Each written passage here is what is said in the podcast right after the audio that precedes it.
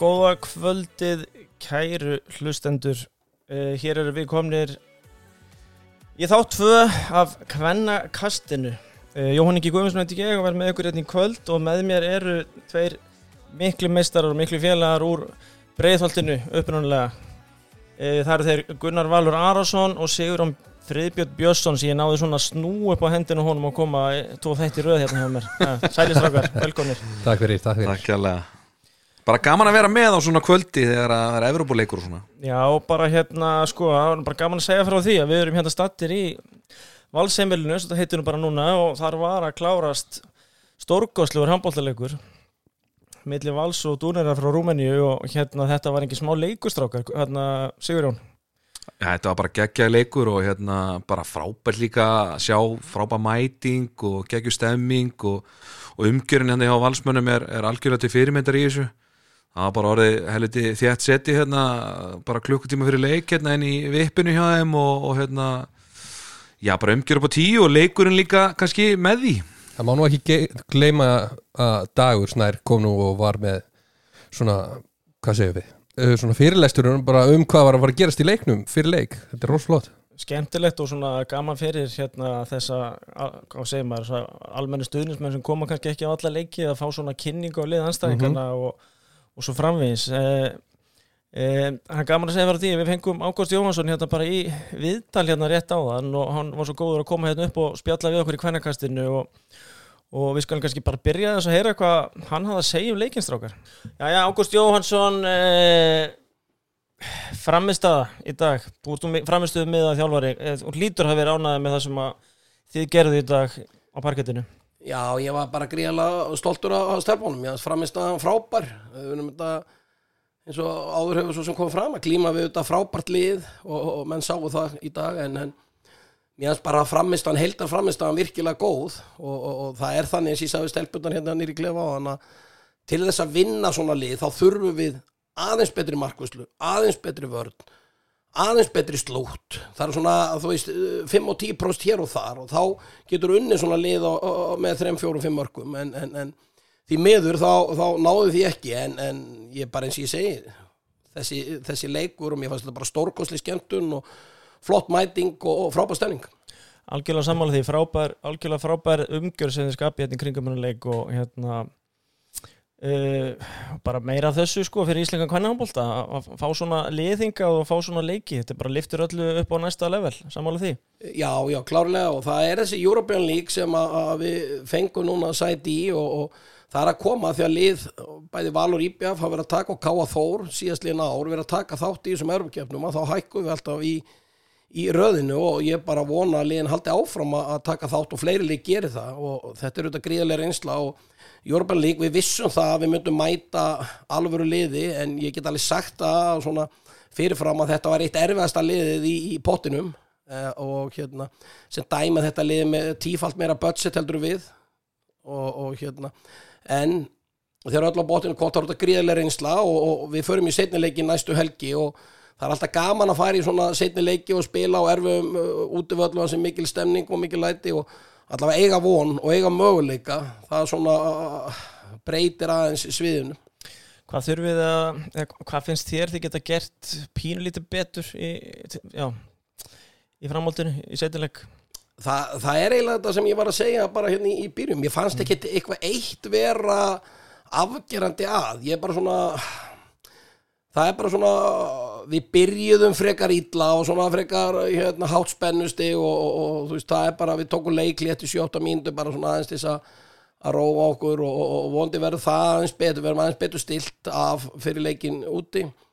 Og svo er þetta bara svona, við erum að gera stundum hvað maður að segja, mistök sem að þessi stóru lið gera ekki, það er bara svona uh, það gera allir mistök en þú stundum þetta að gera réttum mistökjum við erum stundum að gera pínu svona maður, að- hvernig maður orðað, kjánaleg mistök þrjú, fjú, þannig mistök og þá er þið bara refsað á núleitn og það er erfitt á, á móti svona liðum en, en klárlega með þessa framistöðu og, og, og, og þá held ég að við getum sagt það á þess að vera með eitthvað lagsnis að, að, að það, sko, kvennaboltin er á, rétti leið og, gæðin í þessum leik og það sem að valsliði sínt í dag fannst mér vera frábært fyrir íslenska kvennaboltan Algjörlega sammála því ágúst og það er svo sem ekki miklu við þetta að bæta. E, Já, þetta er svona verið bara komið hjá okkur Gústi, takk hérlega fyrir komuna í kvennakastið og, og gangið vel í síðarleik Takk fyrir. Já, við þökkum Ágústi kærlega fyrir viðtalið og hérna hann var ánaði með þetta kallinstrákar Gat hann ekki verið það, Gunni? Jú, alveg 100% og ég skil hann alveg fullkomlega að vera ótrúlega ánægða með þetta því að þú veist, bæði varnar og sóknarlega þá gekk rosalega mikið upp og þeir, þær fengur rosalega marga sjensa bara til þess að bæði jafna og komast yfir. Þannig að þú veist, þetta var bara gleðilegt og líka bara að vera með tróðfyllt hús og það virkaði bara meir hlutin að þessu svona bara með að við svona hópinum þá hérna held ég að þetta sé bara vel gert sko. Já, þú veist, þetta er líka bara eins og hann er að segja þú veist, þetta eru 5% hér og 5% þar og þú veist, þið voru að gera þessi svona klaufalegu mistök þú veist, þá er þið bara refsa vegna þess að sko, þú svona lið það bara, það kemur sér alltaf í gott færi, skilur og þá er svo dýrt að vera með hérna í yfirtölinu að klikka hérna í hotninu aðeins í fyrirháleik og, og kasta boltanum út á eitthvað, því þú fær refsinguna beint í grilliðaður Þetta eru svona örstuttir kaplar hér og þar. Svona það sem, að, það sem ég man svona eftir ég man einmitt eftir þessum yfirtölu köplum sem Þóri fyrir með tvö góðfæri að í hægur hotninu. Svona þegar eru hvað tímyndur eftir að fyrirháleik Já. minna mögulega. Og svona, svona f- fyrstu tímyndunum þar eru við með kannski með þrjá fjóra svona ljóta tapaða bolta það sem að bara svona algjörlega óþvingaða sem við bara reynilega köstum boltanum frá okkur. Já, það er hérna svona, já þetta telur allt þegar, hvað segja, talið er upp á pókanum eftir 60 Mhm. mínútur. Já, Já, það er vegna þess að sko, þú veist, eins og ég segi, svona, svona lið, þú veist, það er bara, það er bara það mikið gæði í því að, hérna, að það er alltaf að fara að skapa sér ágætis færi, ágætis stöðu og meðan að við þurfum kannski að hafa aðeins meira fyrir því að þær eru bara hans þjættari varnarlega og við erum erfæra með að slíta hans í sundur, þannig að, veist, hvert einasta moment það bara, það er eiginlega skiptir hans meira máli fyrir okkur heldur en, heldur en þær, mm. eða þið veitir hvað ég á við. og Lilja kom rosalega vel út fannst mér hérna í seinniháleika sem voru að loka mörgum sóknum hann Já, sérstaklega Bara yfirtökunni. frábært, sko. Það Þegar þær er að ná að jafna þetta, þá, er, þá eru hotnin að að gefa Já, Þóri hinn hóttunum líka. Líka aðeins í fyrir eins og ég var að segja Já. á hann en svo er hún, er hún frábær, frábær slút þarna í, í þegar líður á setna hálfleikin, virkilega góð sko. En mér finnst bara, veist, að, að vera að tapa með einu markið og eiga sjens á að jafna leikinn í lokin veist, það er eiginlega bara nokkuð magna finnst mér með að við gæðin sem þetta lið hefði að búið yfir, vegna þess að maður sá það í leiknum allan tíman, maður var svona wow, þetta, þetta er að vera bras. En svo kom maður bara miklu öflur hérna í setnaháleikin og, og er rauninni bara standa sér bara drullu vel, sko. Berjast allan tíman, Þegar ég man ég er líka algjörlega frábær sko. Já, því ég átti mjög góðan leik. Hún er með einhver áttamörk ef ég, ef ég, já, áttamörk í leiknum og ég meina, hún er náttúrulega líka bara í í þessum klassa eins og þessi, þessi góðu aðdurmannalið er að spila hann er bara þarna. 100% og við sjáum þetta líka á Íslandi hún er afgerandi þegar líka hérna í valsliðinu bara á Íslandi, þetta er þeirra svona leikmaður sem sæk í þegar að hún tekur lokaskotið, mm þetta er leikmaður sem það sæk í þegar að þær þurfa mark. Já, já. En hérna, en það var, þú veist eins og ég segi þetta var helviti þétt og, og þetta var það er þetta að hafa þvílít fyrir þessu valskonar en gerði þetta ógeðslega vel. Já. ég er bara nokkuð svona sáttur bara sem svona íslenskur handbolta unnandi að hérna, þetta sé standardi sem við erum að bjóða upp á hérna í hvað, þetta er, þetta er loka einvið fyrir já það er nokkuð vel gert sko. Það, það, það er bara, er bara engöngu mjög sterk lið eftir að þessum stíði Já, og eins og Gústi segir réttilega þá er þetta bara eitt af betri liðana sem hann hefði getað fengið sko. Þannig að hérna, þeir voru ekkit heppin í þessu drætti sko. Hvernig fannst þér, Gunnar, hvernig fannst þér hérna rúmenska lið? Mér varst það bara alveg geggjað ef ég segja svo er, það er bara einn og einn árásandar hjá þeim voru alveg geðvikar, þær voru að binda þristan okkar rosalega vel niður og bara ná að dundra vel yfir valsliðið, Já, í þessum klippingum hann já, í klippingunum og mér varst mjög skemmtilegt að sjá hvað ásatnir er að, sem sagt, hotnamennir í vörn voru rosalega góðir, þeir voru að pressa skiptunar okkar mjög hátt upp á völlin falla svo frá. En aðeins í setna leik þá náði Gúst að gera mjög vel með því að sækja velin á miðun og færa svo setna í breytina og fá þá hotnafærin því að ásatnir voru svo rosalega óvalega sko. Já, þeir fengu þarna í fyriráleik þá fengu þarna að náða þær svona einhverjum þremur, fjórum tæknifælum út úr svona skrefum þar sem þær voru að hika. Þú veist, og það er þessi svona moment veist, sem að tikka svo mikið í, í sarpin sko þegar þú ert að fara, þú veist, þú nær ekki skota marki sko. Já, Og dóngjastlarna í svona Evrópuleikjum og svona á þessum standard það er einhvern veginn bara allt svona hig Það er bara sama og tap. Það er bara talið eins og tvö skref sko. Það Já. er bara boltinn er alltaf dæmdur að vera að kemur eitthvað svona óvinnileg reyfing og svo, svo Þóri fekk svolítið að finna fyrir. Já, ég hika Með saman Elín- Elín tap segja. hika saman tap í þessu Þetta er hérna Þetta er gott veganesti hérna út. Meina, það, það er, síndu það hérna. Meina, það er nú bara að spila á sínu sterkastu liði fyrir utan þess að tvæð sem voru mittar. Mhm. þannig að ég meina, það er bara böllandi möguleik í þetta. Eitt mark er ekki raskat í handbólta Nei, Ég meiti það þannig að það sé uh, góð möguleiki fyrir hendi að ég meina, miði er möguleiki ég myndi segja það, ef það hefur tapað þetta með 5 þá hefur við geta svona kist þetta svolítið bless. En, en þú veist, miði er möguleiki, við vitum ekkert hvað gerist. Þetta verður erfitt. Þetta verður erfitt og þetta verður erfið aðra Já, Já, já, en það er spurning, þú nærði þessum fullkona leik mm Mhm. skilur þú færð bara 38% markvæslu það getur allt gert í þessu, það er svo, stutt á milli í þessu. Mhm. já, já. þú veist, það er panikið og allt þetta dót. Menn hann er nú ekki búin að vera lengi með liðið þessi þjálfari. Þannig að maður veit ekkert almennilega hvað þú veist, ég meina, hann er búin að vera hvað í einhverja sex daga eða eitthvað fyrir hennar leik Hann er að- það nokkra daga til þess að kveiki í já, þú veist, Já. ég meina nei, ég meina, þú veist, hann er bara lappin í eitthvað koncept frá öðrum og, og þetta er svona, þetta er óvinnilega staða fyrir þær að vera í líka, sko. Já, já, algjörlega. Ég held að hann sé ekkert að labba út úr svo leik eitthvað miljandi sáttur, sko, með einsmaks tap, sko. Nei, Nei, einsmaks sigur, segi ég. Nei, nei, það er svona kannski það sem maður óttast pínlítið líka að hann hefði góða tíma til þess að slípa þetta ef það betur saman sko. Já, já. Svo vantaði, vantaði þrjá sterkar leikmenn í rúmanska lið, skils mér, tvo mm Mhm. Ef það er að fá það eitthvað inn líka þá verður þetta ennþá þéttar og, og öflugra hjá þeim. já, já, en við sáum bara val kalla megin hann í, í, á síðast tímbili, þú veist, ég meina, miði er bara möguleiki, það er bara þannig já, já. og við getum gert ótrúlega hluti á þessari svona íslensku geðviki þannig að ég er bara vonast þess að mæti bara fullu gas í þetta, ég hef enga trúaninu öðru og hérna lægi kannski þú veist eins og Gunni var að fara yfir hérna þessar tvöföldu klippingar sem voru ná að splundra valsvördina þess þá er það bara, þú veist, ég minna það geta bara alveg staðið í þessu sko. Við sáum það í dag. Mhm. Ég er sörstrákar, það er svo sem mikið, ekki mikið meira um þennan leik að segja en, en frábæð stemningin í kvöld og virkilega góð framist hjá valsliðinu og, og íslenskum hvenna hangnalleg til mikil sóma. algjörlega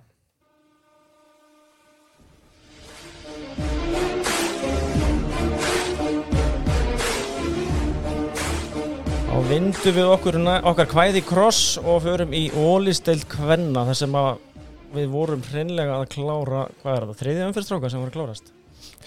já, náðu ekki alveg að klárast eða ekki þarna, já, það er hann það er eitt leikur hérna í BVF og hérna afturhaldingar Er það ekki leikur úr fjórðu umfyrða eitthvað? Jú. Er það fjóruðum? Já. Ó, afsækja þetta Já, að því að sko Va- Valur spila náttúrulega Já, þetta já, er kemni þá já, já, þá var leikur í viku. Það er ætluður ekki að stað þetta með aðra umferð og, og flýta fyrir en hann var ekki, náðist ekki að spila þann leik. Nei, Þessi, þessi góða umferð eins og að byrjaði hérna á þriðjudaginn, einmitt hérna í valsembyluna sem við erum stattir að, að taka upp þennan þátt í kvennakastinu. Þar mættust tvö af, já, ég hef ekki segja tvö fyrirfram bestu liðin allavega með af okkar spá og spá annar sérfræðinga. Uh, í svona hálgjöru uppgjöri og ég mætti nú á völlin sjálfur og þetta var ótrúlega skemmtilegu leikur en gríðarlega kaplaskiptur mm. já, og ég það má segja það er ekki ótt að segja það Sigurðan Jú, það er óhætt að segja það. það sem að ég sá svo ég takki svona, svona aðeins mitt teika á þetta þá, þá sá ég valslið gjössanlega stórkuslegt í fyriráleik og Ípi var svona með fátum, fátum svör þar góða sexunvörn, Anna Úrsula var að geta Byrnu Berg í hávörn og, og þetta var bara að leita alveg hrikalega vel út. Hef, hefði mínum vitið að geta verið ennþá meira yfir í hálfleikur en verið klára leikin þar eða hefði svona nýtt sjensina sín aðeins betur. Uh, Siggi Braga fer svo í 5-1 vörn á, á Þóri Rósu. Já, hann er búin að taka, ég man rétt tvö leikli Á Elín Rósu. Elin Rósu, ég er alltaf Já, að ruggla með sér já, nöfn Elín hérna, Rósu. ég felli sko. hann, hann, hann tekur tvö leikli í fyriráleika ég man þetta rétt.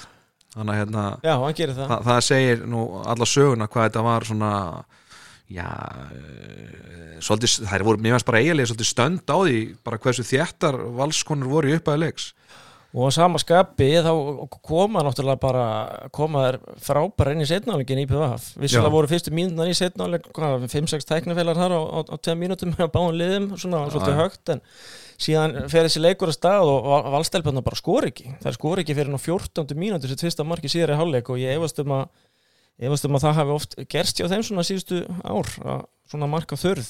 Já, ég sko, ég valið vill löglust fá meira út úr þessum yfirtölu köplum hjá sér, þú veist, þær eru að vinna einingis tvo, hérna, yfirtölu kapla af uh, þessum fimm yfirtölum sem þær eru að fá og þær eru að lappa út úr þessum eitt mark í pluss veist, þær tapa einu kaplanum, gera tvisum jafntöfli og þannig að hérna ég veist, ef að þær hefðu nýtt þetta ölliti betur, ölliti þessi 6 metra færi sem hefðu nýtt þessi 6 metra færi ölliti betur í þessum yfirtölu köplum og svona þá hefði þetta náttúrulega aldrei orðið að leikan í lokin en en það er rétt um svo segir, veist, þetta er 14 myndur sem er ekki að skora og það er bara svoleiðis kaplar eru bara erfið það er ótrúlega að vinna með þetta sko. Þetta er vissulega kredit á IPVF þessi varnarleikur sem það er eh, breytt við og hún er frábær og Marta í markinu sem að mínum að er eh, einn af 23 langbæstu markmannunum í þessari deild. Virkilega góð markmann, sérstaklega góð í hotnum fyrst mér, stendur vel og hotnum er mikið að strögla á Já, mótinni það er nefnilega, það er svona þessi 6 metra færi sem ég var að tala um. Já. þetta er, þetta er bara, þú veist, þarna, þú veist, það gefur ég eiginlegin svolítið trú í þessum leik. Og ég meina ef að valskonur hefði ekki bara byrjað að leik svona frábælega, þá hefði þetta geti, hefði þetta bara getað endað öðruvísi, sko. Gott samt að vinna næst besta liðið ekki með toppleik Já, en það sem er náttúrulega mjög jákvæmt fyrir eigastelpur er náttúrulega það er eiga leikmann inni sem náttúrulega á eftir að draga liðið hugsanlega aðeins meira sko. Já, Raflildi Þrastadóttur Já, og sko hún er náttúrulega, hún var prímusmóturinn sóknulega í fyrra og við erum að sjá hérna Byrnu Berg í, í, í fanta formi hérna núna og hún er að taka ykkur 20 skot í þessum leik með 10 mörg og 20 skotum vissulega ykkur 5 af ítalinni en, en þú veist, um leið og þessi ábyrð fyrir að dreifast aðeins meira þá held ég að þetta eiginlega verði það verður orðið helviti þétt sko. Það er sakninar mjög mikið nú já, já, já, já, en það maður sér það alveg. má heldur ekki gleyma því að Valur og inni. Já, já, hansi, hansi, hansi öfluga leikmenn líka og er með gott leik fyrir. Já. ég hef svona pínu áhyggjur af IPVF með svona þannig handbóltast að spila svo- þessan sóknarleik. Að við pælið í svona hotnaspili til dæmis IPVF já, það er bara nánast ekki til staðar sko. Þetta gengur óbúðslega mikið út að koma skittunum í skot og, og, og flest alla sóknir enda þannig að skittuna fara upp og taka skot að lokum. Og maður sjáum vola sjálf svona þessar típisku stimplanir og yfirtölu og hotnamenn að fara mikið inn. Það er svona, já, þetta var sá handbólti sem að þær hafa bóð okkur upp á Já, ég er að núna. eins og núna í þessum leik ég, meina, ég bara renda þessi við tölfræðina og veist, þær er að taka þetta 55% skotana sinna utan að velli, þær er með 2% skotum í hotnunum á móti 30% valsmein Já, já, þú veist, ég meina, ef að Valur hefði nýttið dæmis betur ég held að sé með 7 mörgur 13 skotum í hotnunum eða eitthvað svo leið cirka bát. Þú veist, ég meina, þetta er hellinga færum þarna sem að liggur sko, sem að Valur hefði getað gert betur. En þú veist, það segir svolítið, þú veist, ef þú ert að taka yfir 50, 55% skotana utan að velli veist, þá ert ekki þannig að opna vördina sérstaklega vel hjá, hjá anstæðingnum sko.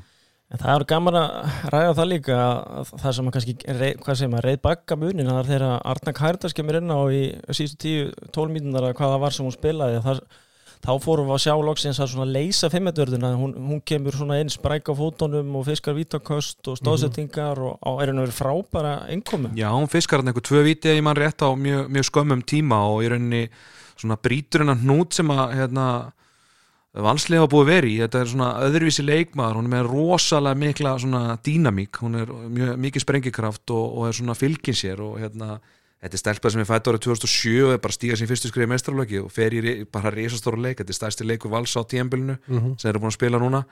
Og hún bara fer þarna óhrætt og, og lokar þessi fyrir það Ríkalegt efni þessi unga stúlka, hún verðist líka að vera algjörlega með svona kaldan hausin sem maður segir, hún er ekkit, sést allavega ekki á henni og sín er stressuð, hún kemur beint inn á bekknum og fyrir beint í Já, já, bara í það sko, Já. það er ekkit vesen sko. Já, það er eiginlega magna sko, og veist líka bara Gústa taka þessa ákvörðun í þú þessum veist, leik. Í þessum leik, á þessum mómenti Mhm. talandi um að þekkja hópiðin og svona að bara taka sjensin á þessu, ég held að fæstir hefði nú bara farið í þetta. Herðu, Arda, þú hérna vippaði inn á 2007 mótil að spila en fyrsta mestrásleik vippaði hérna inn á og lokaði þessu fyrir okkur hérna, með nokkurum árásum skilur við hann er átt að fara fyr, fyrir í þetta ég er alveg, Já, já. Ég er alveg vissum að hann er sammála því svona eftir á, á hann getur ekki verið sáttu við það að vera svona lengi svona, hvað sé að bregðast við þessum slæma kapla sóknarlega. Já, mér finnst þetta ótrúlega að hann hafi samt leitað í, í veist, þetta er svona sínir götts þetta er svona no guts, no glory sko.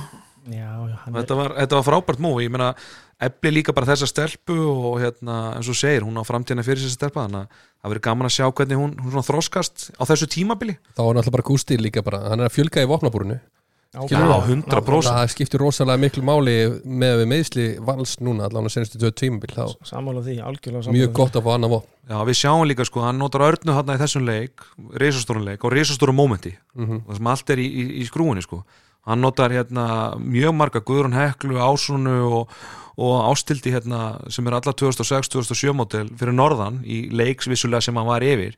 Hann er að skapa sér helviti góða breytt hérna já, þegar hann líður á hann heldur þessu áfram. Algjörlega sammála því strákar. Hérna, hérna þetta var flottur topp slagur og hérna við sjáum alveg glitti í bevaflið eins og við sögðum áðan og, og Valur eru svo bara standard það sem að við höfum verið að ræða. Þær eru, þær eru bara bestar eins og staðan í dag. er Já, ég held það og það er verða bara betri og það er spurning að Raflundur Hanna kemur inn og Lófisa kemur inn svona hvernig liðin breytast skilur og ég held að það sé meira spurningin svona í, eh, fyrir næsta slag sem við förum í milli þessar að tekja liða. Já, herriði, þá við skilja við þennan leik og ætlum að skella okkur yfir á ásvelli þar sem að haukar og afturölding mættust. Afturölding með góðan sigur gegn stjörnun í síðustu umferð og, og hérna þær fara á ásvellina án Silvíu. Já. Vissulega tapa með þreim mörgum en var þetta ekki ágætis framistæða svonni? Sko, já, jú, sko umfa eh, afturhaldning, þær spilu aftur þess að flæðandi 5-1 vörn eins og þær gerðu á móti stjörnunni og voru að elda þarna elinglur og plúsan og svona út. Og mér fannst svona haugastúrku leysa bara nokkuð vel í fyrirháleik Ingadís var að fá frábæra stöður í hæri skiptunni með, með tiltölu einföldu spili í fyrirháleiknum en afturhaldning náðu þó að hanga í þessu í fyrri þrátt fyrir að þurfa að hafa tölvört meira fyrir hverju marki á sér Uh, svo breyta er hérna, vörninni sinni í setnáleik og setja Susan í, í bakurinn á móti yngudís og þá smellur þetta aðeins og, og svona ná að loka miklu betur á hana. En haugarnir fá vissulega færi en, en Saga sé verið að verja mjög vel í markinu og svo um miðbygg setnihálisins þá keira haugarnir bara praðan og fara að skora auðvöldri mörg á meðan að sama hyggsti er á sóknuleikum hjá afturreitingu og, og verður ykkur sigur hauga í staðin þó að loka tölun að segja annað að þá fannst mér þetta aldrei hættu í, í setniháleik svona mínum mati, mér finnst haugarnir vera veist, þetta var einn tómi barningur hjá afturöldingu sóknulega veist, það er náaldri að slíta haugarna nóg vel í sundur og skapa sér alveg stöður. Mikið um svona línundnóð og, og hérna, þetta lukkaði þetta lukkaði svolítið erfitt og það er enda marga sóknir og slöku, slöku skoti auðvitað að velli og, og, og það sést líka bara í tölfræðinni hvað sóknleikurinn gekk illa, það voru með 57% skoti auðvitað að velli á móti 19% hjá haugunum sko. Mm -hmm.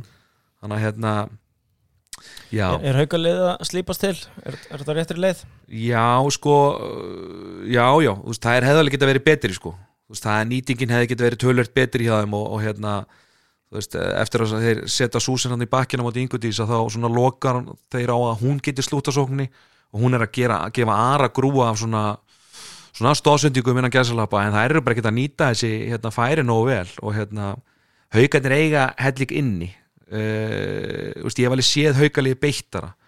En, en hérna svona ef það ná að laga þessa nýtingu í hotnunum og línunni þá hérna þá er það mjög solid sko. Og varnarlega voru það náttúrulega frábærar eins og ég var að segja á hann sko veist, það að halda einhverju liði í 60% skotana bara utan að velja því að þú ert svo þjættur sko. Mm. það, segi, það er bara ákveðin gæðastimpill sko. Mm. þannig að hérna, þetta er bara lið sem áttur að vera betra. Það er bara spurning hversu nála tópnum það er verða ekki öfugt sko.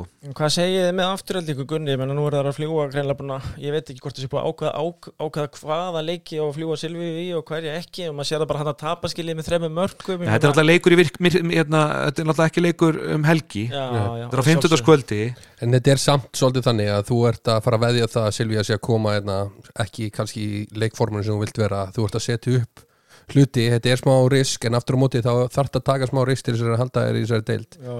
en þetta lið, afturlíkar, þetta er bara ágættis lið sko, þú veist, Já. með að við þú veist, að vera að, eitt af þessum fjóru liðum sem við höldum að sé að fara að lenda hérna svolítið neðalega en ég held að munurinn er svolítið á þessu ári að þeir þurfa náttúrulega bara að einblýna á það að ná góðum varnarleik og vinna sér inn hraðaflöp og auka mörg þar sko þar sem þeir eru með varnarlið myndi ég segja, mér finnst það samt vera að veðja alltaf mikið á það að það er að koma ómikið að 600 skotum Já. á sögu sko. Auðvitað munar um að, að, að hafa ekki Silvíu en þeir þurfa að finna leitis að spila betri sókn ánennar og það, veist, það er deginljósa og það eru alveg með spræka stelpur eins og önnu Katrinu og Katrin Helgu Davís fyrir utan, veist, það er, er eiga get, geta miklu betur.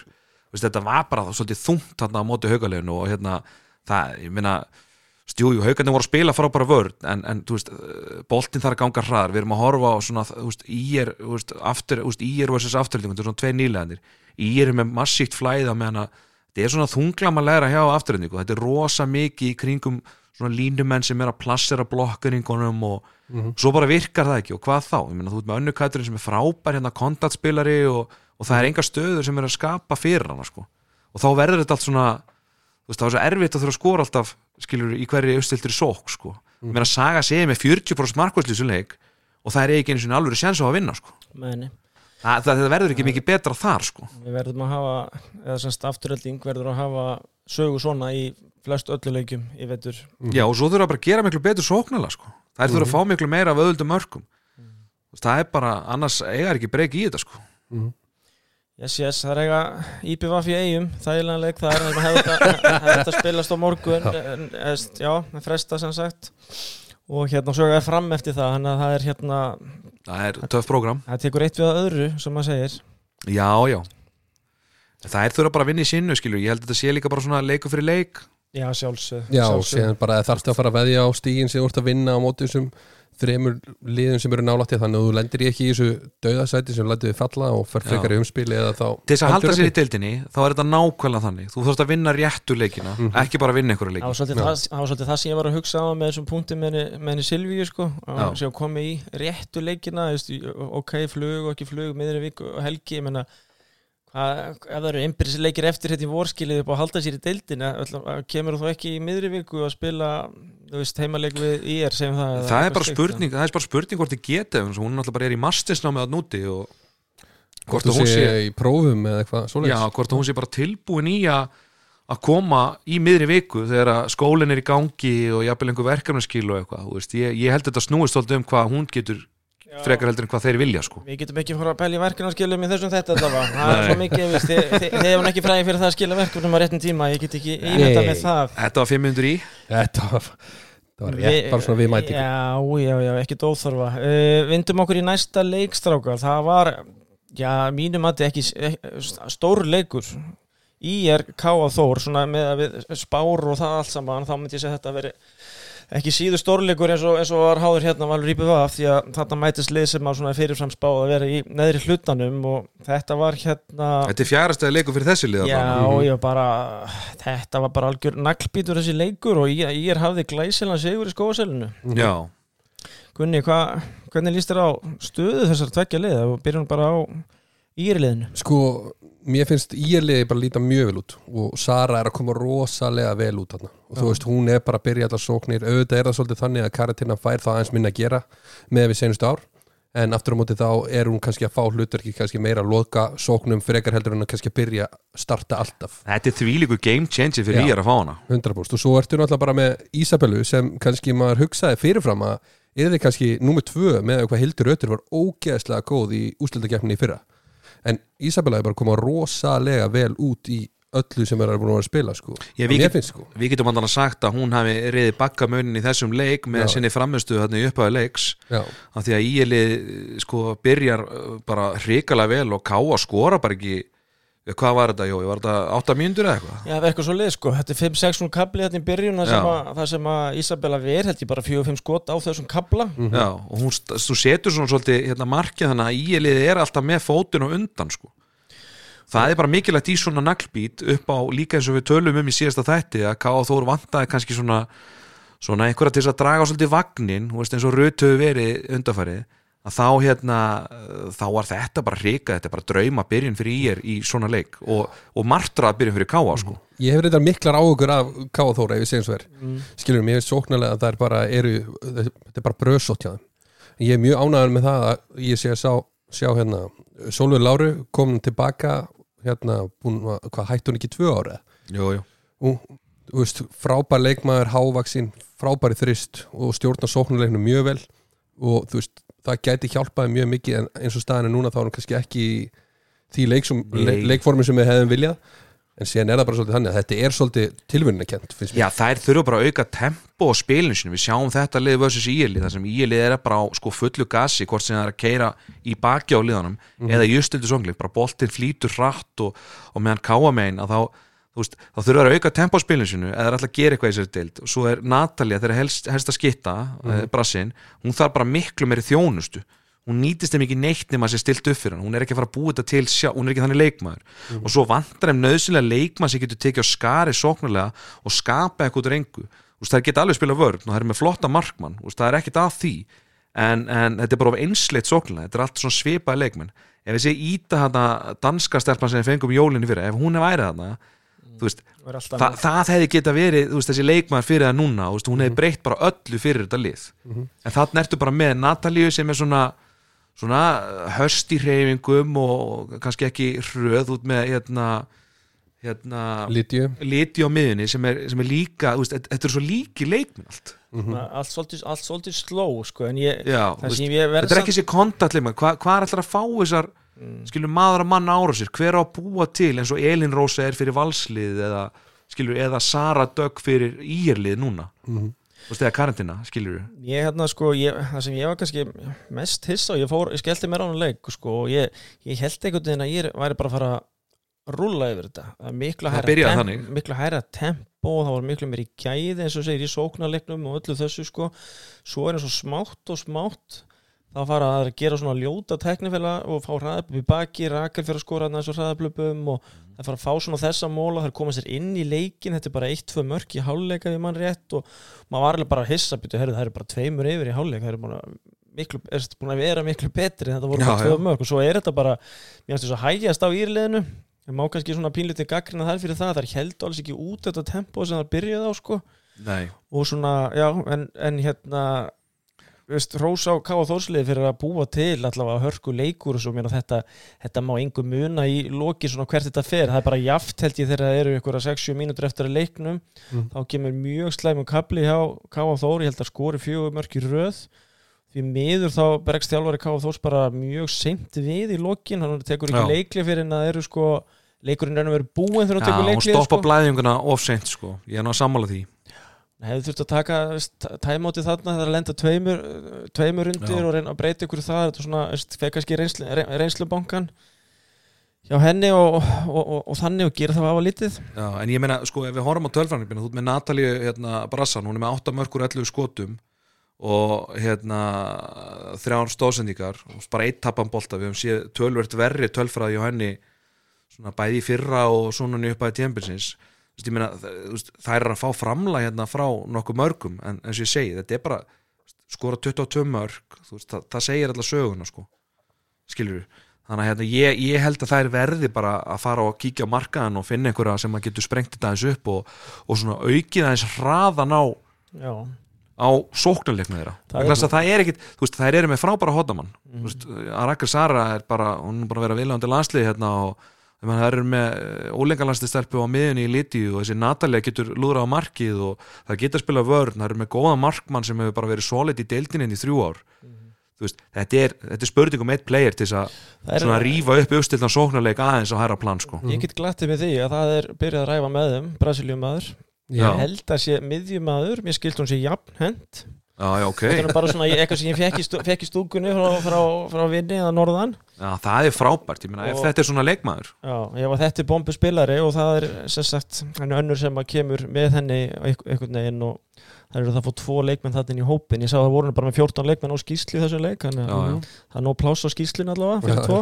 Já, það eru tvö sæti sem eru bara ekki búið að hita. En þetta þurfa að vera góður leikmenn. Eitt, Já. eitt til tveir jafnvel góður leikmenn til þess að halda út tímabilið og fara að rífin eitthvað stigum og, Já, já, og nýta heimavöldin náttúrulega sem er yfirleitt sterkur hann fyrir norðan. Já, við erum alveg sammálaði en ég er ríkalega hérna, svona ánæði með ílið, hvernig það er komin í þetta. Það eru konar með svona ákveði koncept sem er að fitta rosalega vel við þá leikmenn sem hafa. Snöggi leikmenn, rattflæði línumæður sem smellpassar inn í þetta.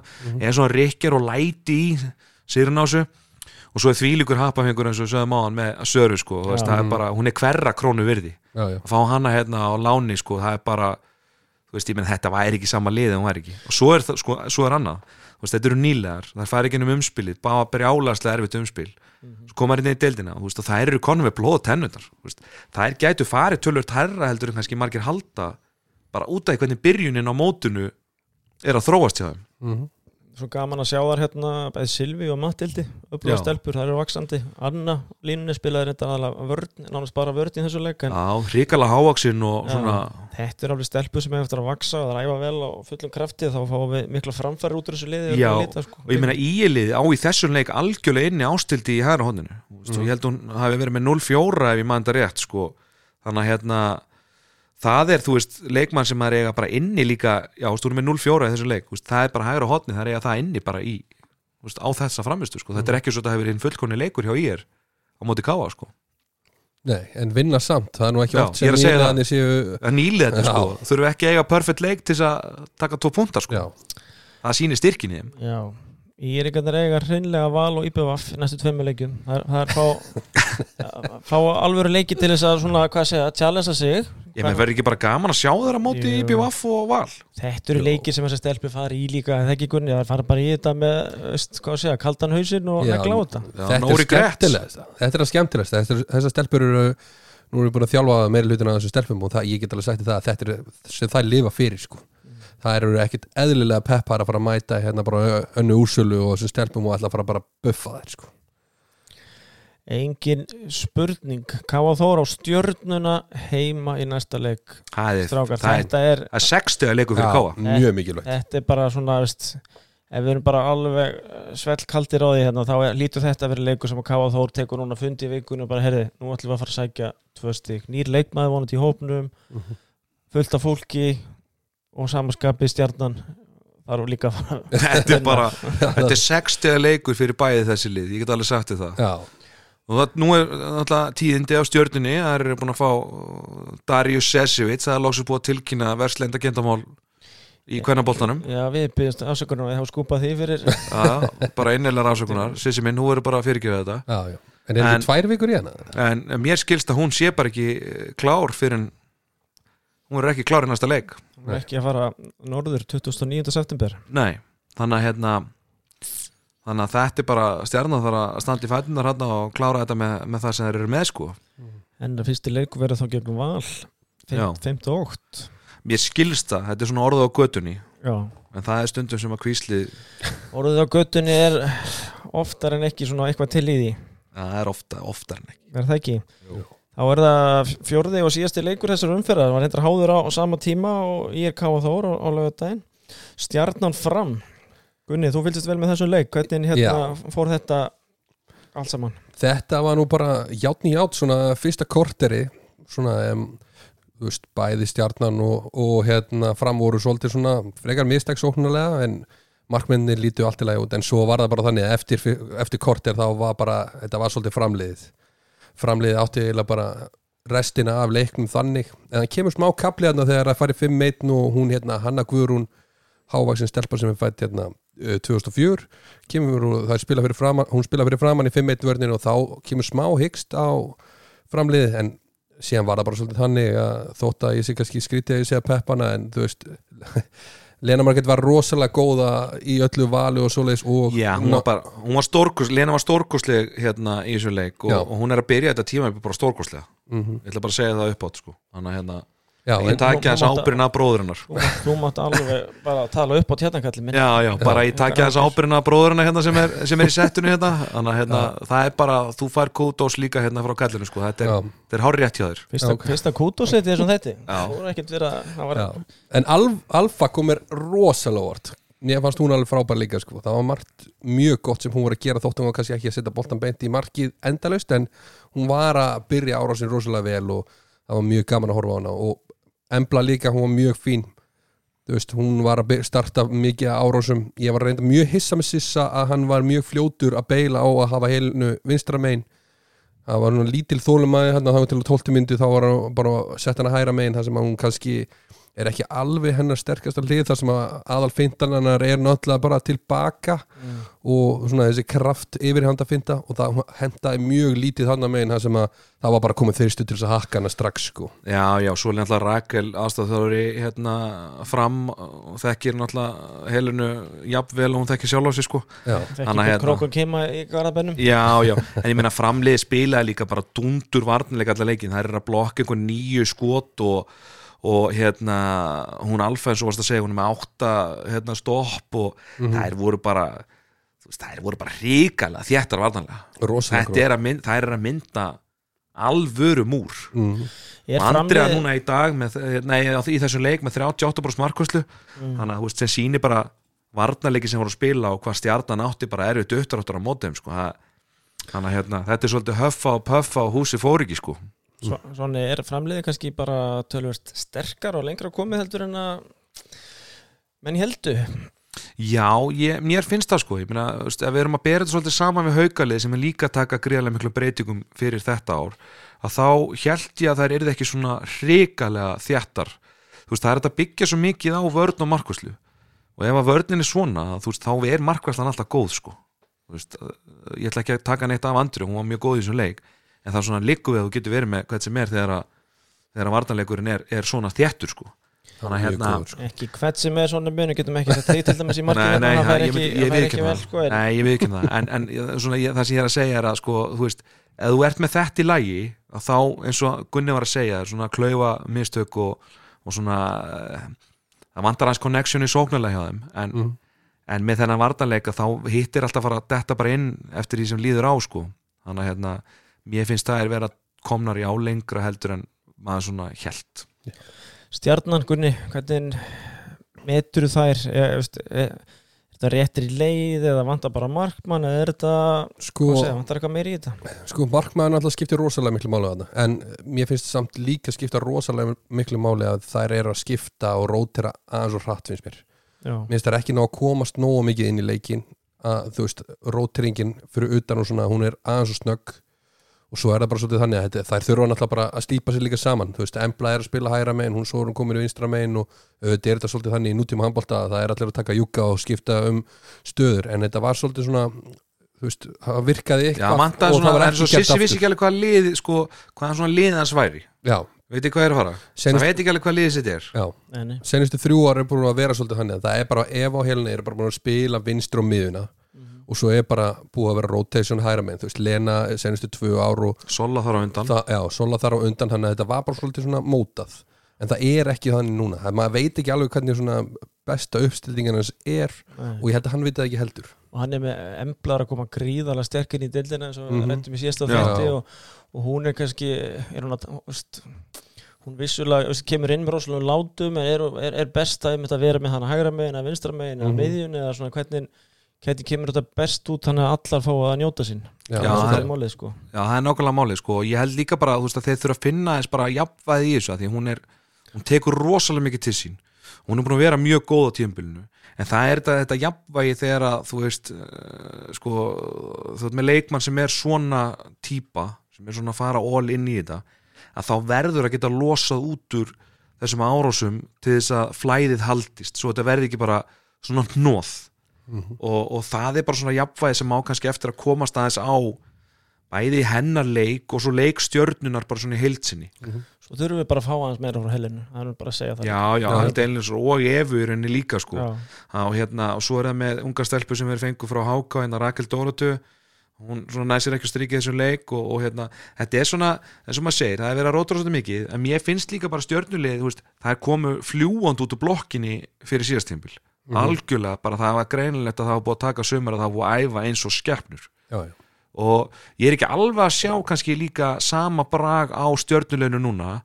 Og ég er ekkert að segja þessi ekki formen ég meina kannski svona mentally þú veist, Darri er farin og, og Brittany er farin og Lena og svona. Og það er eins og leikmenn séu ekki alveg með sömu svona tröllatrúna á þar séu geggjaðar já skilur við, þannig að ég, svona, ég myndi vilja sjá það bara keira þessu upp hraðan líka aðeins meira og, og svona vera með aðeins meira svona bara læti skilji, almennt. Já, já. það er tilvalið að gera það í næsta leik fyrir norðan, gegn Káa Þóri gríðalega mikilvægum, mikilvægum slag. Það er alveg, en það eru greiðlega gæði í stjörnunni. Já, Það er þurfa bara að ná þessu fram og fá svona rétta, rétta blöndu sko. og það verður gaman að sjá hvernig þetta svona spilast er út komið með Darju marki veist, hún er mjög góð markmæra sem við vittum og það ferður líka kannski aðra leikminna blað, þú far hraðaplaup þú far aðeins öðruvísi svona balans í leikin mhm. Já, og hvað heldur að gerist líka svona mentali fyrir leikmenn eins og Helen og Evu Þú ert alltaf bara að fá hérna einna bestu markmennum í deildinni fyrra bara aftur í marki Það myndast náttúrulega eins meiri trúin í, inn í hópnum skilju í staðin fyrir, þú veist, bara með fullir viðringu þú veist, þá er þetta stelpur sem eru fætt á 2006 og 2008 sem eru búin að standa með í markinu. Já, það staði sér bara mjög vel. Þetta sér mjög vel Já. og gert bara eins vel að geta en þú veist, þetta er nú kannski ekki sangjut stað að setja heldur þær í sko. Algjörlega sammála því. E, Það er gaman að segja frá því að hvenna kastið er komin með e, styrtar aðila á leikmann umferðarinnar. Það er það er bara þannig og það er hérna vellir sportbar einn allra besti hvað segir maður, sportbar á, á hérna Stórreikjöku sveðinu ég er nú viðkynna það að ég hef komið þarna oftar en einu sinni og oftar en tvisvar hjá Gunnar frenda og hérna þannig er frábært að vera. Gó, góð matur og góð verði og, og reysaskjáur fullt að skjáum, sofasett og svo framvegis og, og bara róturlega góður andið þarna. Ég mæli eindrið með að fara og, og, og hérna leikmar umferðunar fær málti fyrir tvo á þessum frábært stað. Já, það er ekki verið að endanum og þetta er frábær sportbar. Þeir Já. gætu sínt ennsku umferðina alla sama tíma og þú myndir á öllum leikjanum það er það mikið að skjá manninni síðan er það bara þannig að maður á að kíkja hann alltaf þegar maður er búinn að taka haukaleika og maður er að rölda hann yfir og kíkja á gunnan sko. það er algjör klassi að fara þarna rétt áður en einhver viðburður er ásöldum Já. Já, þetta er nefnilega alveg í miljandi göngufæri. Ég get bara votta það en það er hins vegar bara komið aðeins strókar að velja leikmann umferðunan í ólstildinni og látum okkur aðeins sjá. Úps og sí. Úps og sí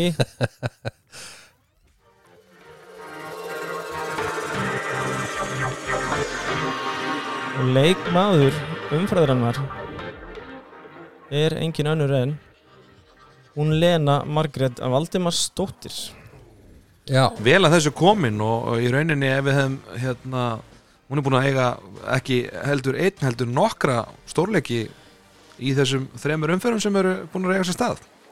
Búin að vera algjörlega frábær. Já, þú kallaði nú bara eftir henni í, í landslýsval já, já, Ha. ég er bara stend algjörlega við það. Virkilega gott og hún Lena fær gjafabref sendt frá okkur Já, það heyrist ennþá í þess Velli sportbar. Lena fær gjafabref sendt frá okkur hérðan og fyrir tvo í vellisport, á, á vellisportbar og, og ég efast ekki um það hún áttur að hún áttur að mæta þar fljótlega og, og hérna grípa vinningin, fæ sér eitthvað holdt og gott að borða hjá Gunna Já, gaman að, hérna, ég hef nú farið í svona að því að sport bara þá hugsa maður oft kjúklingavengir og, og burger sko. Hann er vissulega með það og það er í toppstandi en hann er líka með alveg miljandi gott salat. Ég mæli með að fólk kíkir líka það Já, ég býst við því að Lena þurfa að fara að gera það því að það sem að hún er vegan Já, ég er vissum að ég er nokkuð vissum að Gunnar frendi minn hann leysir svoleiðis mál það er alveg, alveg meir en samfæður Gunni Gunni Já. með þetta Það er bara Já, já. nákvæmlega eins og staðan er sko. En þú ert þú með einhverja honorable mentions eða ekki? Já, Já, ég, var með, ég var með sko tvær honorable mentions inn í þetta og mér langar að hérna, gefa henni Ingudís honorable mention inn í, inn í leikmann umfyrirnar í þessari viku og, og það er nú bara vegna þess að hún var virkilega góð á móti afturhendingu og hún er með einhver fimm mörku úr sjö skotum og, og hérna, hún skapaði 14 Já, færi Það er frábæðlega gert. í þessum leik og maður hefði nú haldið að það myndi taka hana kannski aðeins lengri tíma að fara inn í jafn stórt hlutverk í, í nýju liði verandi ungu leikmaður með, með útlending á undan sér. En heldur betur ekki, hún er bara fórat inn í þessa hæri skittu og, og gjössanlega bossa hana já þessi, þessi hákástelpur eru að koma rosalega vel út í öllum þessum liðin sem Já. er að Embla og Alfa Já, já. og Inga er, þetta eru rosalega flottar sko. Já, Það var ekki bara ákveð að fara að stíga á gjöfina núna Nú er bara, þetta- núna er bara komið að þessu mig, Já. það er bara einhvern höfafarsbreyting sem á sér Já. stað og nú er bara að negla á þetta og verður gaman að fylgjast með þeim öllum í, í framhaldinu? Já, og svo finnst við líka mér langar líka að gefa honorable mention á hana sögu save í markinu hjá hérna, afturöldingu sem var með 40% markuslu Mhm. á móti haugaliðinu því meður þá bara svona fylgdi sóklanleikurinn ekki alveg með Það er ekkert grín fyrir okkur sérfræðingarna hérna að, að velja þetta. Nei, það var, uh, það voru ekki allir sammála. Það er nú bara þannig. En þá segjum við skiljum ólstildina drengir og við vindum okkar kvæði í kross Grillið, það er komið að stað. Já, já, Það er ekki leðilegt að fá að grilla ykkur félagana hérna í því sem þið eru nú að að reyna að þessari deild. Já. Og það er eitthvað leikinn búin í strákar. Þið spiliðu nú bara báðir fyrstu tvo leikina, það voru þið félagarnir. Fjölnir átti vissulega erfitt uppdráttar gegn uh, já, selfhúsliði sem á, á já, það, er- ég býst við að þær séu að fara að pakka þessari deild saman svo ég tali bara reyna íslensku hérna. Já, Gunni, þetta var erfitt. það, já, þær mættu og þær trúðu því að þær getur sigra guð og það var bara nákvæmlega eins og staðan var og fjölni var líka bara, þú veist, liðið mitt var bara að sjá til þess eiginlega að þær allt gekk upp hjá þeim, við vorum seinar heim við vorum að dundra á þristan á þeim og þær voru bara að verja í hávörn og markværslan var góð og perla var svindkall og, og kalla var svindkall og þetta var bara, þetta var erfitt og, en aftur á móti þetta selfhúslið er rosalega gott. 29 mörg millir þeirra tvekja Já, Já, og og, Perlu. og, og Katla Marja með 16 mörg og Perla með 13 ég segi það gerir 29 Já, þetta, er, þetta, þetta kallast að fagna þessu landslýsvali með, með síningu Já, þetta er. Þetta er hérna, veist, það er svo erum ekkit að fara að ræða þennan leik eitthvað í kjölinu stráka, Nei, bara gaman að rúla nei. svona sér Já. grilli skiljiði mig og þetta er hérna verður spennandi og skemmtilegt og auðvitað verða svona úslitin að milli þeirra sem er einfallega bara getur munur á, á milli liða í, á, í áttalega dild, í tíulega dild segja Mhm. uh, Gróta haukar 35-22 Svona minn, hafa þinn leikur til hafingi með fyrsta sigurinn Já, takk hérlega fyrir það. Og markaðast er hjá Gróttu voru Karlotta Óskarsdóttir með 8 Katrín Skeving 6 og Dæði og Íta Margrét voru með 5 kor góður sigur. Já, já, mjög góður, mjög góður sigur og hérna bara fagmannlega gert. Þannig að hérna ég hef ekkert upp út á þetta þessa framistuð að setja. Og þessi uli verða náttúrulega síðan alltaf bara vaksandi eðli málsins sangandi er þetta yngri leikmenn félagana og þar munum vaksa smátt og smátt með hverju verkefni sem að sem að hérna kemur. Já, já, og markastur á haugu voru Rósa Kristín Kempa með 7 og Ester Ameri var með 6 svo var Telma Melsteð og, og hérna, hún markmaður hún hérna Elísa í haugunum já, virkilega voru gott. mjög flottar í dag síðan fóru fram uh, tvei leikistrákar úslit, þetta er bara nýbúið að klára sérna þegar við byrjuðum að taka upp þáttinn. Já, það er lög rétt. Er þið með úslitin úr þessum leikjum Já, hérna? Fram það er sagt fram U-HK gríðarlega spennandi leikur þar Já. sem að fram U kreisti fram einsmaksigur 23-22 og það er verður að teljast uh, hvað segir maður? Eigum að segja að það sé óvænt er það samt Í fyrsta leik? Jú, kannski í fyrsta leik en samt sko þetta framöli er bara frábært sko og, Já, já, það er voru 13-10 yfir í hálfleik og ná að merja fram einsmaksigur Mhm. og markaðastari liði fram U voru hún Dama Guðrún Pálsdóttir með sjömörk og Sara Rún Gísladóttir með sexmörk Mhm. uh, HK Main og þá vorum við með hana Önnu Valdísi Garðarsdóttur með nýju og það er Þórildi Braga Þóradóttur og Stellu Jónsdóttur með, með þrjú og Ingu Fanni Haugsdóttur með þrjú kor Já, og sjá, sérsta Ingun var svolítið bilið þarna á milli. Ingun með átján bolta varða. Já, það er svolítið bilið. Ingunni, Ingunni frábæð markmaður, ég Já. þekki hana vel og hef verið með henni í verkefnum uh, stórmótum erlendis og annað. Og hún er virkilega promising. Já það, er svona, það er erfitt að vinna þegar, að- þegar hinn markmaðurinn er með átján skot. Það, það verður að segjast Það segir sér okkur neginn sjálft uh, Berserk í Víkingur er það, myndu segja að verið derbíslægur er það full, er það full langt gengið hann vera? Ein, er ekki er alltaf spurningin er ekki stærsta spurningin hvort þær hafa sendt vikingana í gestaklefan eða? Það er, Já, voru vikingandi settir í gestakljón það verður ekki eðlilega gott það deilt, það við deilt klefa jafnvel Ætli Berserkir uh, komi vikingandi með rútu réttur í leik, hitu upp í, í, í, hérna, í, nei, í víkinni og, og komi rútu Já, maður hlýtur bara að spyrja sig sko. en það var 1830 fyrir vikingana það var já, þetta var, kom kannski ekkit- ekkit óvart að en það kom bara hópurinn náttúrulega bara hjá. Berserkir kom náttúrulega bara inn á föstudaginn. Maður var búin að vera að reyna að fylgjast með hverjir myndi koma í þetta lið og Já, já, og þær eru með nokkra sem hafa nú spilað í, í ólistildinni og hérna verið póstar og þar má meðal hans nefna Katrín Guðmund sem að spilaði með okkur eitt viking og skoraði sjömörk í þessum leik Jóhanna Helga Jensdóttir sem að hérna hefur nú spilað með FA og fleiri liðum. Já, uh, hún setti eitt í þeim leik. hún setti eitt í, þeim, þessum leik og Adda Solbjörn og Öðumarkið Pálsdóttir í erstelpur Mhm. hann að hérna berserkirnir er bara ákveðt slið sko. En hjá Víkingunum hann- Víkingunum var það Ída Bjarklind sem var nú svona atkvæða mest með, með sex mörg og svo varstu með Hafdísi Jura og Auði Brynju Sölva með, með fimm kvor þannig að þetta voru svona hvað segir maður, þetta voru uh, svona stærstu póstatnir sem að bára þetta uppi. Já, og þetta er alltaf kannski kemur ekkert óvart í Nei. stöðu. Víkingur er alltaf bara með flott lið og, og Berserkir alltaf bara að stíga sín fyrstu skref í þessari grildild og verða ábygglega bara betri með hverjum einasta leiknum sko. Yes sir, og þá er einn leikur eftir það ekki á morgun FH, spilir sem fyrsta leik í kriganum Já, Já, gegn val auðvitað ekki, rétt sem er jú, háru rétt. Þetta verður spennandi leikur sko. F-áliði náttúrulega er að koma og vera með margar nýja breytingar, nýja leikmenn og Já, með, það er bara allir þess ekki með svona átta skittur eða eitthvað hann sem það verður gaman að sjá hverju af þeim verður í hóp Já og hver eru í hotninu bara eða eitthvað?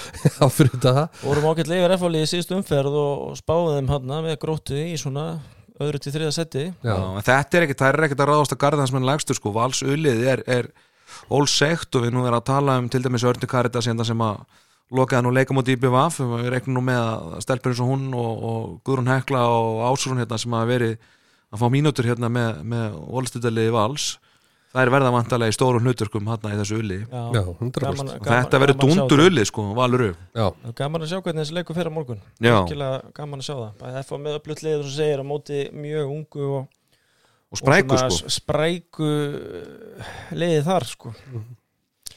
Ég er sögst stráka minni, þá er eh, svo sem grilli svona st- létt riðferði við það svona lokið billi eh, landslýðsmál það er svo næst á dagskrá.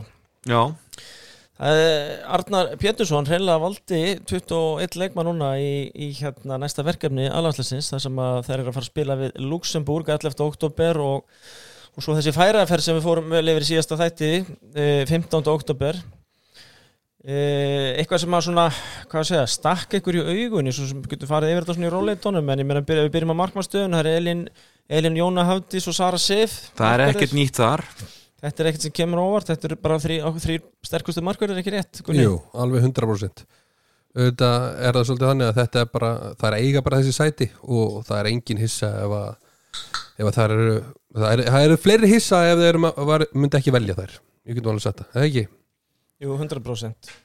Aðri leikmenn, það er Andrea Jakobs, Berglind, Þorsteins, Birna Berg, Díana Dögg, Elín Klara, Þorkilsdóttir, Elín Rósa, Magnúsdóttir sem að ég er búin að kalla ykkur alltaf nafni hérna nokkur sinnum og fyrst afsökunin á því. Eh, Elisa Elias, Eliasdóttir, Hildegurinn Einarsdóttir, Jóhanna Margrét, Katla Maria, Katrín Tinna Jens, Lilja Ágúst, Perla Rauð, Albersdóttir, Sandra Ellings, Sunna Jóns, Thea Imani og Þóri Anna Áskisdóttir.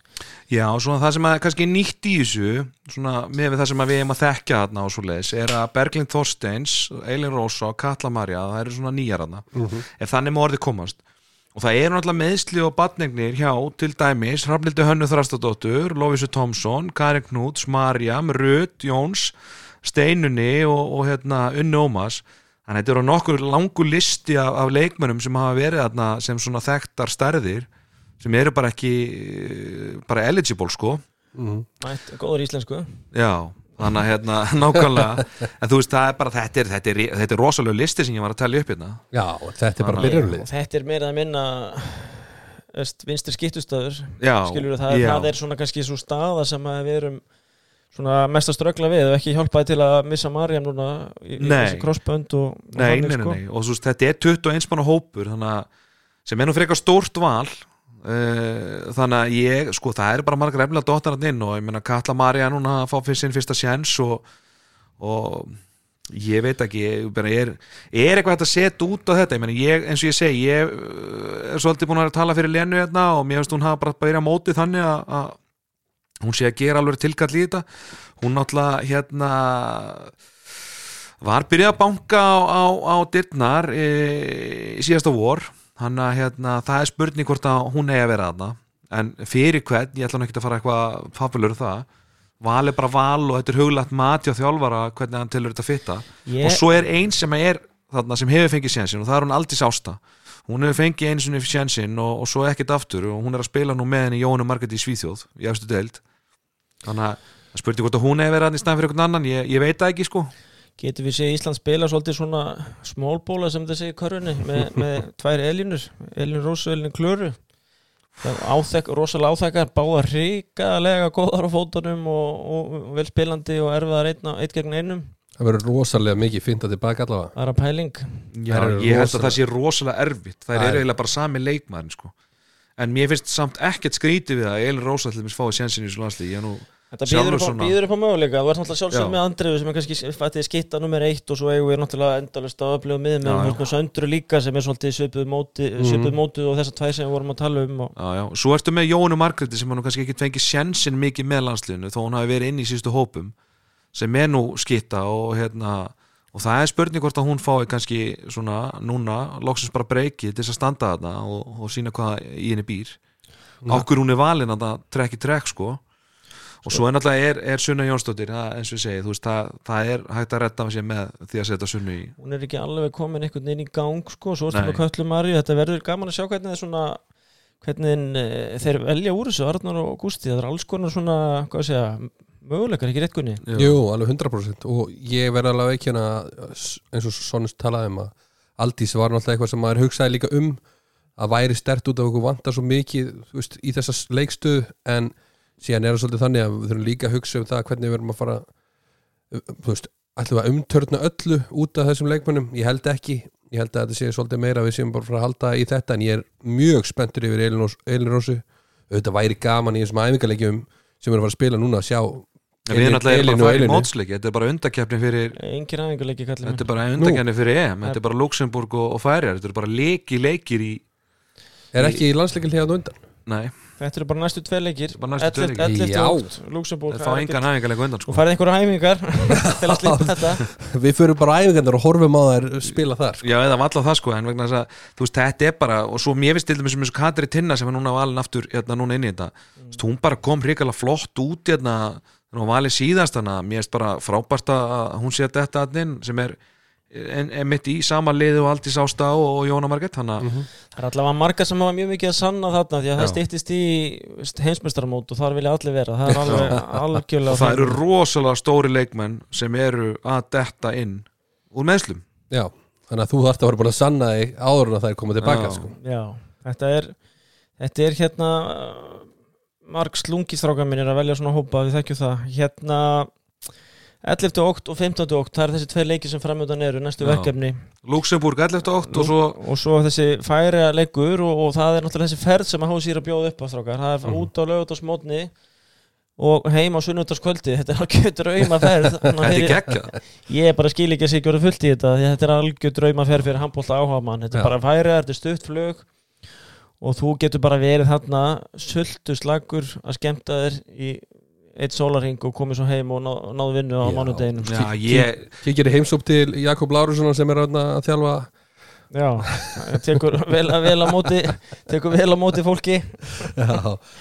Já, veist það, það, er nefnilega hérna, þetta, ég hef enga trú öðrun að þetta verði bara algjörlega hérna, fullbókað þegar að þessi fél fer úr loftinu.